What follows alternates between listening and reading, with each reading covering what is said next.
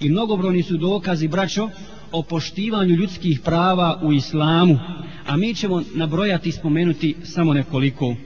Kao dokaz vrijednosti čovjeka, kao insana, kao Allahovog stvorenja, kao onoga koji je zadužen, zadužen na zemlji od Allaha sa najvećim emanetom i koji će pred Allahom najviše odgovarati zbog onoga zbog čega je zadužen.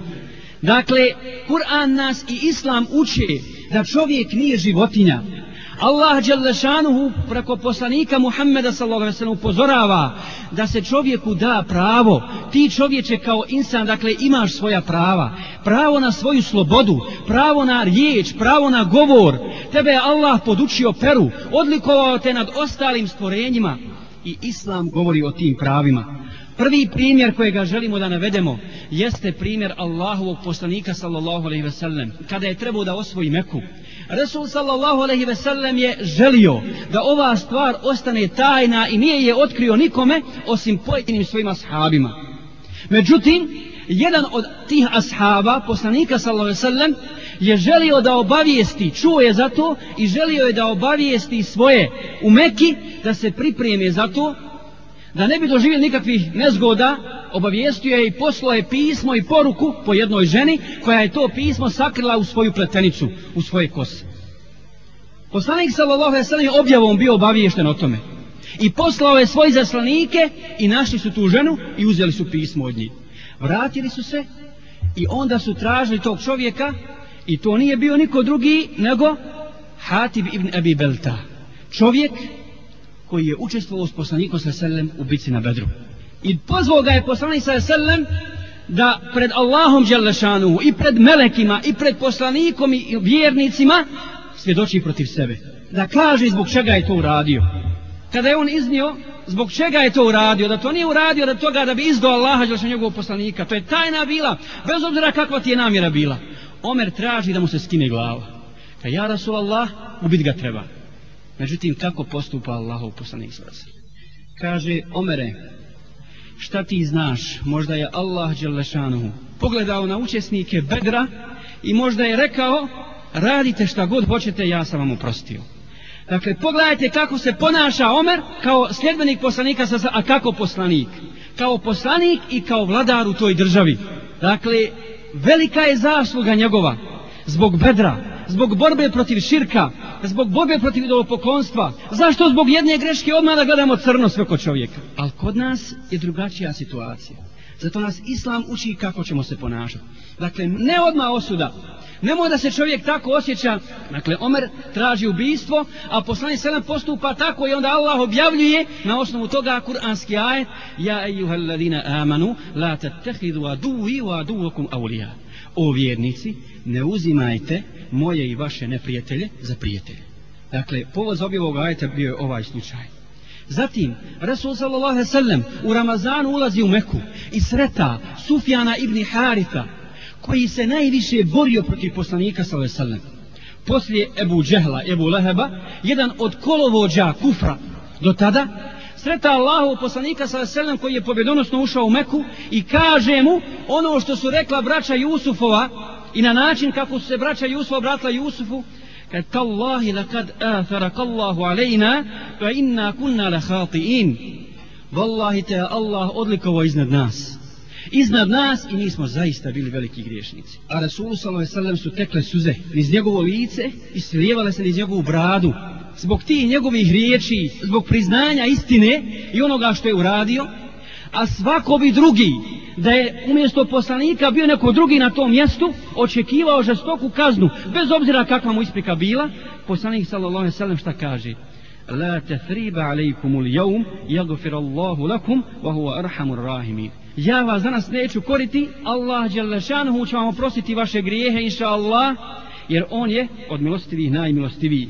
I ulazi povedonosno u Meku i drži predavanje pred Kjabom i kaže, vi ste slobodni.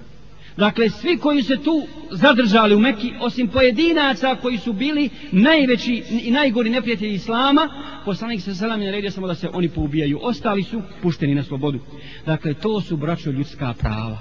Jer tvoje je pravo čovječe koje ti je Allah zagarantovao da živiš slobodno, da živiš dostojanstveno, da ne živiš u tjeskobi, da ne živiš u strahu. Dakle, da živiš slobodno, a to ne znači da radiš što hoćeš.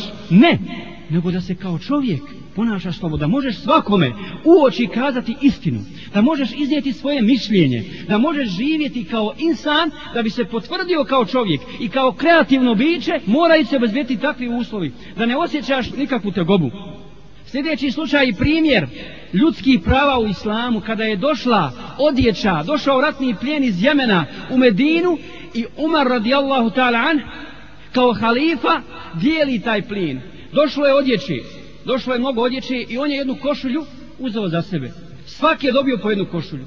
Međutim, pošto je on bio visok čovjek, traži od svog sina Abdullaha i kaj meni ovo kratko, daj ti meni svoju pa da ja napravim jednu za mene, koja će biti taman. I to je uradio i kad je došao ponovo da drži hutbu, rekao je, o ljudi, slušajte i pokoravajte se. Pa je ustao Salman al-Farisi. Nije Arab, i kaže nećemo slušati, ćemo se pokoravati. Kaže, zašto Salmane? Zbog čega? Podijelio si odjeću svima po jednu košulju, a ti si uzeo dvije. Pa kaže, ustani Abdullah. Pa ustaje njegov sin Abdullah i objašnjava da je on dao svoju košulju. Pa kaže Salman, govori, slušat ćemo. Naredi, pokorit ćemo se. To su islamska prava I to je sloboda koju je Allah Želešanu zagarantovao svim ljudima. Bez obzira ko oni bili, bili crni ili bijeli, bili robovi ili slobodni ljudi. Zašto spominjem ovdje robove? Često puta kad se spominju robovi u islamu, mnogi ljudi to pogrešno razumiju. Pa kad vidite, u islamu je dozvoljeno roblje. Mi ćemo, inša Allah, pripremiti jedno posebno predavanje o tome. Pa da vidimo kako je to roblje i kako su robovi u islamu koje su držali ashabi kod sebe kao robove, postali najveći učenjaci ummeta družeći se sa ashabima, što je dokaz kakav je odnos bio ashaba prema tim robovima. Zatim, treći primjer, ponovo primjer Omera. Omer drži hutbu kao halifa i hoće da vidi, hoće da provjeri kako se ljudi odnose prema istini. Jesu li čvrsti mu'mini? Jesu li iskreni prema Allahu Đelešanuhu? Vole li u istinu Islam? Žude li za džennetom? Hoće li poslije njega čuvati tu pravdu? Čuvati šerijat i Allahove granice? Pa kaže, o ljudi, kad bi ja skrenuo sa puta istine ovako, kad bi malo skrenuo, šta biste vi uradili? Kako biste se vi ponašali? Pa onda jedan beduin, jedan arab, isukao svoju sablju, negdje s kraja džamije, s kraja mesčida, da je vidi Omer. I kaže, ja Amerul mu'minin, kada bi ti s pravog puta skrenuo ovako, mi bi uradili ovako. Dakle, mi bi sabljom uradili ovako. Pa je Omer zaplakao. Zaplakao zbog toga što ima takve ljude i čuvare, istine čuvare pravde u svojim redovima.